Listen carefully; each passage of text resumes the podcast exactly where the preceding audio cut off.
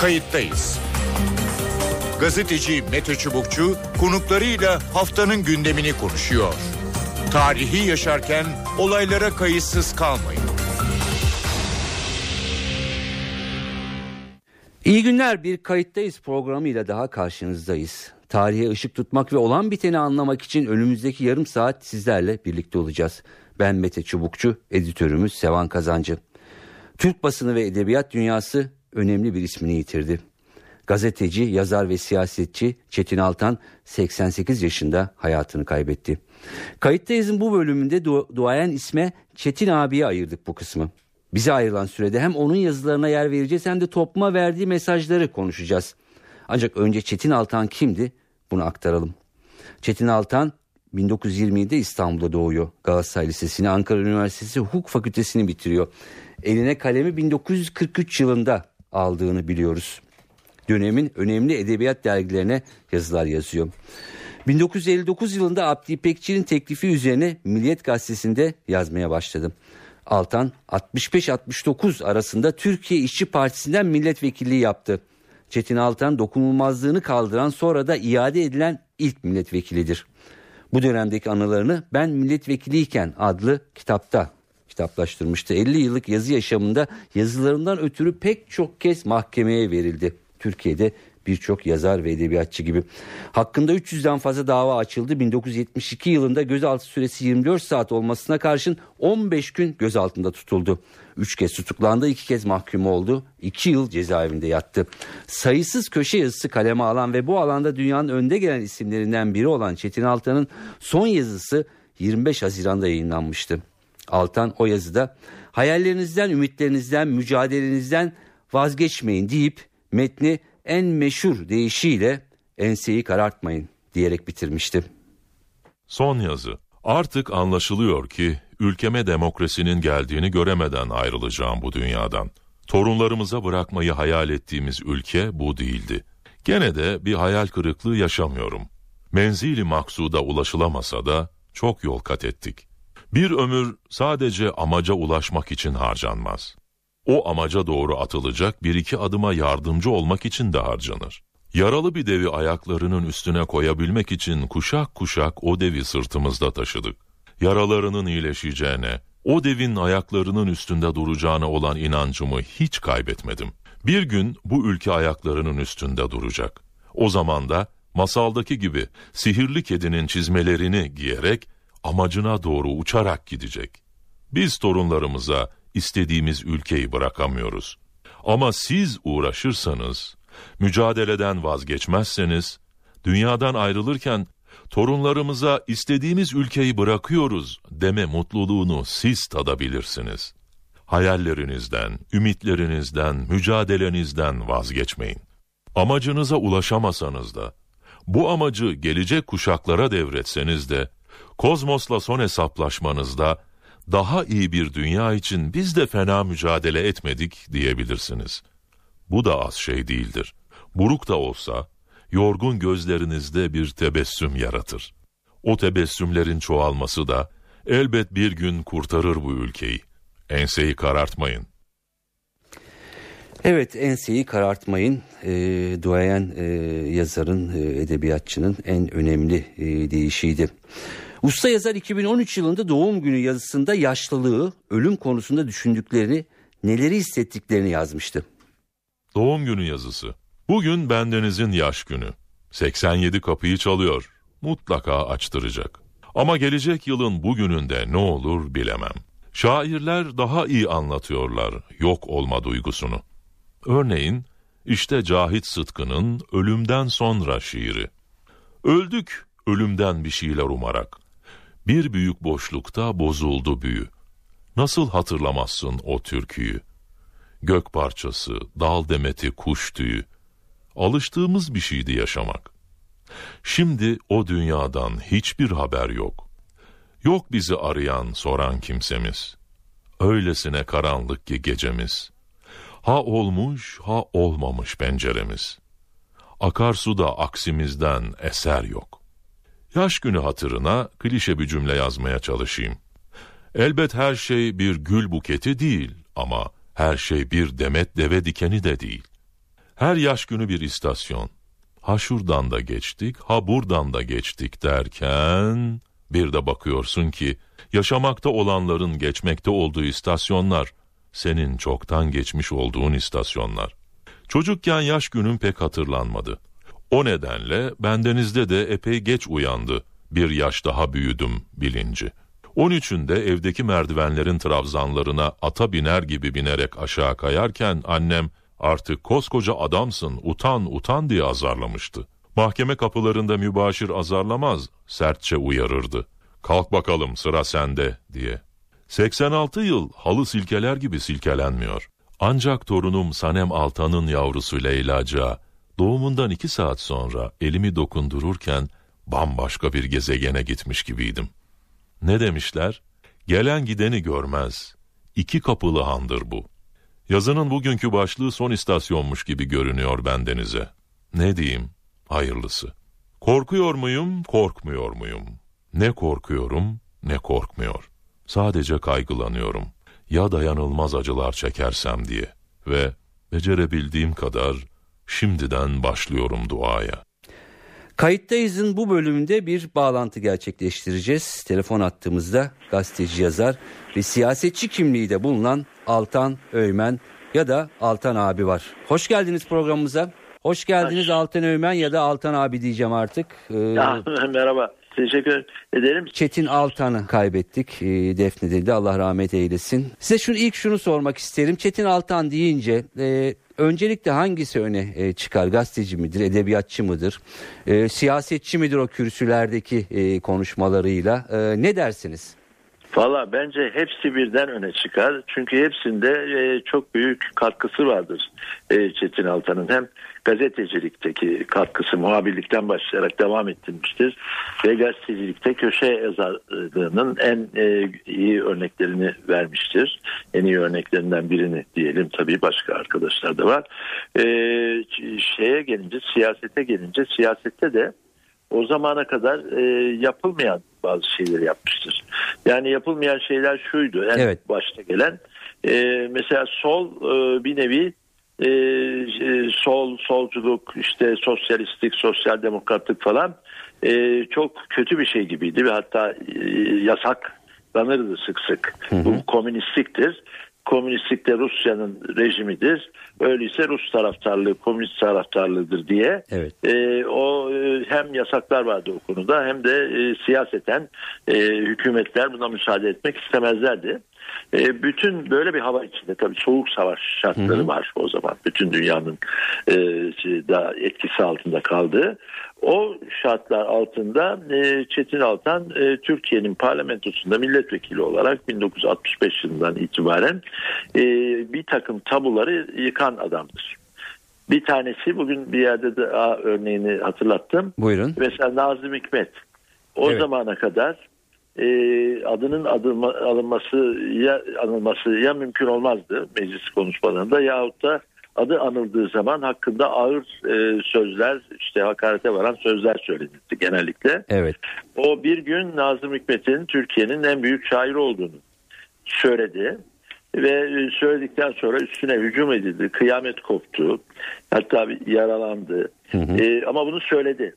Evet. Ee, söyledikten sonra da bu tabunun yıkılması süreci başladı. Kısa bir süre sonra da artık e, Nazım Hikmet öyle kötü olarak anılmaktan çıktı. Tam tersine e, en karşısında olan e, şey, politikacılar tarafından bile e, takdirle, övgüyle anılmaya başladı. Hı hı. Yani milliyetçi partiler dahil, evet. Türkeş dahil, bugünkü idarecilerimiz dahil. E, yani layık olduğu yere doğru çıkışına o sıralarda başladı. Evet. 1965-69 sıralarında. E, şunu sormak istiyorum. Türkiye'de e, birçok yazarın kaderinde olduğu gibi Çetin Altan'ın da kaderinde davalar e, vardı. Evet. Hatta biliyoruz ki 12 Mart döneminde e, mahkumiyeti var. E, üç kez tutuklanıyor, iki kez mahkum e, oluyor. E, daha önce evet. de işte milletvekiliyken dokunulmazlığı kaldırılıyor sonra iade e, ediliyor. E, o Anayasa Mahkemesi'nden döndü öyle kurtuldu e, dokunulmazlığın kaldırılması şeyinden, hı hı. sürecinden. Ama e, gözaltılar, e, davalar ve iki kez mahkumiyet de var. Dediğiniz gibi asıl bir e, yazı dolayısıyla mahkumiyeti vardı. O mahkumiyeti çekmek üzere cezaevine girdi. Tabii. Hı hı hı. Ee, Yani, yani siyaseten tabii diyorum o zaman tabiiydi bunlar yani şey gibi komünistlik denilince herkesin tüyleri diken diken olurdu. E, O e, iddialar hemen işin içine girerdi. hı. Dolaylı bile olsa bu komünisttir ne kadar başka sebeple de olsa yatsa gene yeridir falan zihniyeti hakimdi Türkiye'de. Ee, evet e, hep tekrar ediyoruz E, en e, önemli deyişi enseyi karartmayın yani e, o işte o Evet. günleri anlatıyorsunuz biz de e, dinliyoruz zaman zaman yani hangi koşullardan geçilirse geçilsin e, ümidinizi yitirmeyin e, diyor Çetin Evet. Altan bir yandan. da. E, tam o anlamda kullanmıştır. Eski bir Rumeli sözüymüş bu. E, başkasına anlatmış. Ben onu farkında değildim. Bugün bir yerde okudum. Yani Hı hı. onu açığa kavuşturmuşlar. İşte e, e, e, şey e, bedbin olma, kötümser olma e, anlamına iyimserliğe iten bir söz. Evet. E, o da e, e, Çetin Altan'ın özelliklerinden biriydi. Yani ümidi kaybetmemek gerekir Evet. gibi bir e, şey. Biz ilke hep o ilke doğrultusunda hareket etmeye çalışırdı. Evet. Ee, bir de e, şunu hatırlıyorum. Ee, Türkiye'nin e, köylü bir toplum olmak olmaktan çıkıp bir sanayi toplumu, bir burjuva toplumuna doğru e, yönelmesi gerektiğini. E, hatta şunlar hatırlıyorum. E, piyano çalan köylüler, tenis oynayan köylüler e, hayal ederdi. Tabii. Ee, şey e, ama yani o hayaller de e, iyi bir şey bir hedef gösteriyor. Yani çok uzak bir hedef de olsa yani böyle e, insanları e, daha iyi yetişen işte aynı zamanda sağlıklı olan aynı zamanda spor da yapabilen e, Evet. bir ülke olmak e, bir hedefi e, ne e, telaffuz etmek bile bir şey ya bir yol göstermek e, demek. Biraz tabii e, onu dalga geçilmişti o zamanlar. Tenis oynanacak köylülerin e, tenis oynadığı bir ülke değil mi? Yani evet, öyle tabii tabii e, tabii. e, evet. esası- Piyano piyano çaldığı, tenis oynadığı. Piyano çaldığı tabii. Ee, ama yani bütün bunlar işte çağdaşlaşma şeyleri, e, he- hedefleri. Yani şeye bakarsak Avrupa ülkeleri gibi bir ülke olsun e, Türkiye. Zaten girmek istiyoruz Avrupa Birliği'ne. İşte e, şeyiz katılımcı e, üyesi, aday ülkesi, üyesi, aday ülkeyiz. E, şimdi o hedefin de sembollerindendir bunlar bu o söyledikleri. E, realiteye de aykırı değildir aslında tabii. Evet. Ee, 1965-69 Türkiye İşçi Partisi'nin e, meclise girdiği e, yıllar daha sonra zaten e, o parti giremedi. E, o görüşler işte 12 Mart e, Gadre e, uğradı. E, Çetin Altan e, da siyasi yazılarını bir yandan e, sürdürdü. Son e, yazısına bakıldığında biraz e, hayal kırıklığı olmasa bile hedefe ulaşamadık herhalde falan e, deyip yine enseyi karartmayın diye bitirmişti. E, ne dersiniz? E, E, tabii yani e, o hedeflere Türkiye Çetin Altan'ın e, göz önünde tuttuğu hedeflere tam varamadı. E, bunu herkes kendisi gibi düşünenler de e, fark ediyor. Ama o yolda kendisi yürüdü. Başkalarının da yürümesini sağlamaya e, çalıştı. Yani e, klasik hikayedir. O, o yani o e, hedefe doğru bir hedefe doğru yürümek de aslında bir e, kazanç, bir olumlu e, iş.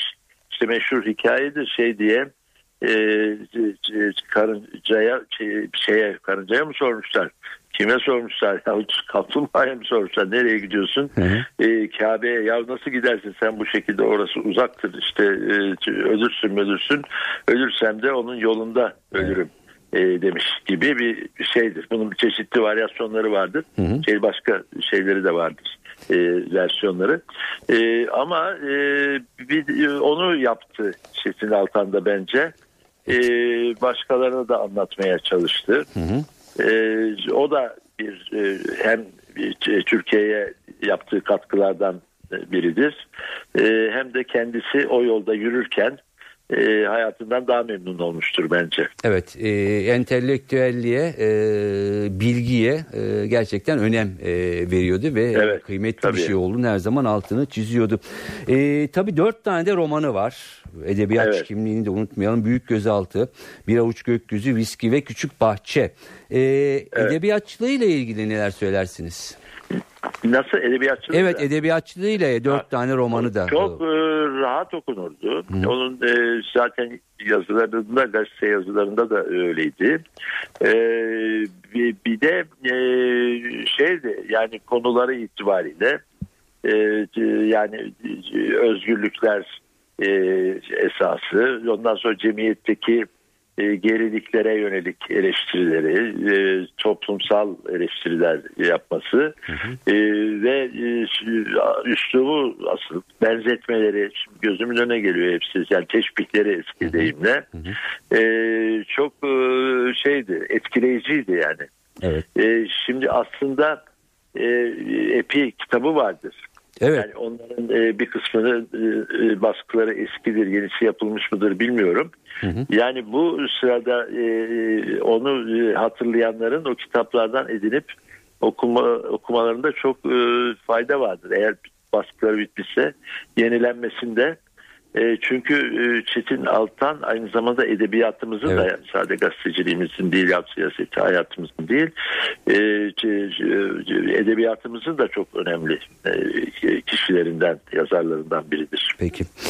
E, Altan Öğmen e, ya da Altan abi çok teşekkür ediyorum. Kayıttayız programımıza katıldığınız ve Çetin Altan'ı beraber yani, e, anma fırsatı çok, verdiğiniz için bana da o fırsatı verdiniz. Çok eski bir dostluk onunla. Yani kaç sene oldu 1950'den bu yana. Hı hı. 65 senedir hayatımızın bazı bölümleri hep e, birlikte e, olmuştur. Aynı yerlerde, aynı şeylerde. E, ben de ona e, Allah'tan rahmet diliyorum. Bütün yakınlarına başsağlığı diliyorum. Bütün Türk basınına da, Türk edebiyatına da aynı zamanda Türk siyasetine de başsağlığı dilemek istiyorum. Ee, iyi yayınlar diliyorum. Çok teşekkür ediyorum kayıttayız programına katıldığınız için. Evet bugün e, Çetin Altan'ı e, son yolculuğuna e, uğurladık. Buradan ailesine Ahmet Altan, Mehmet Altan ve Zeynep Balkan'a da Allah rahmet eylesin diyoruz. Ve programımızı Çetin Altan'ın o son yazısındaki e, birkaç satırdan hayallerinizden, ümitlerinizden, mücadelenizden vazgeçmeyin. E, belki e, kelimeleriyle e, sonlandırıyoruz ve e, ustanın e, deyişiyle enseyi karartmayın diyerek kayıttayızdan hoşçakalın. Benim ilk imzam ilkokul dördüncü sınıfta Afacan dergisinde çıktı. Ay Dede diye bir şiir yazmıştım. Müzik hocası da ilkokulda bana şiir yazmıştı.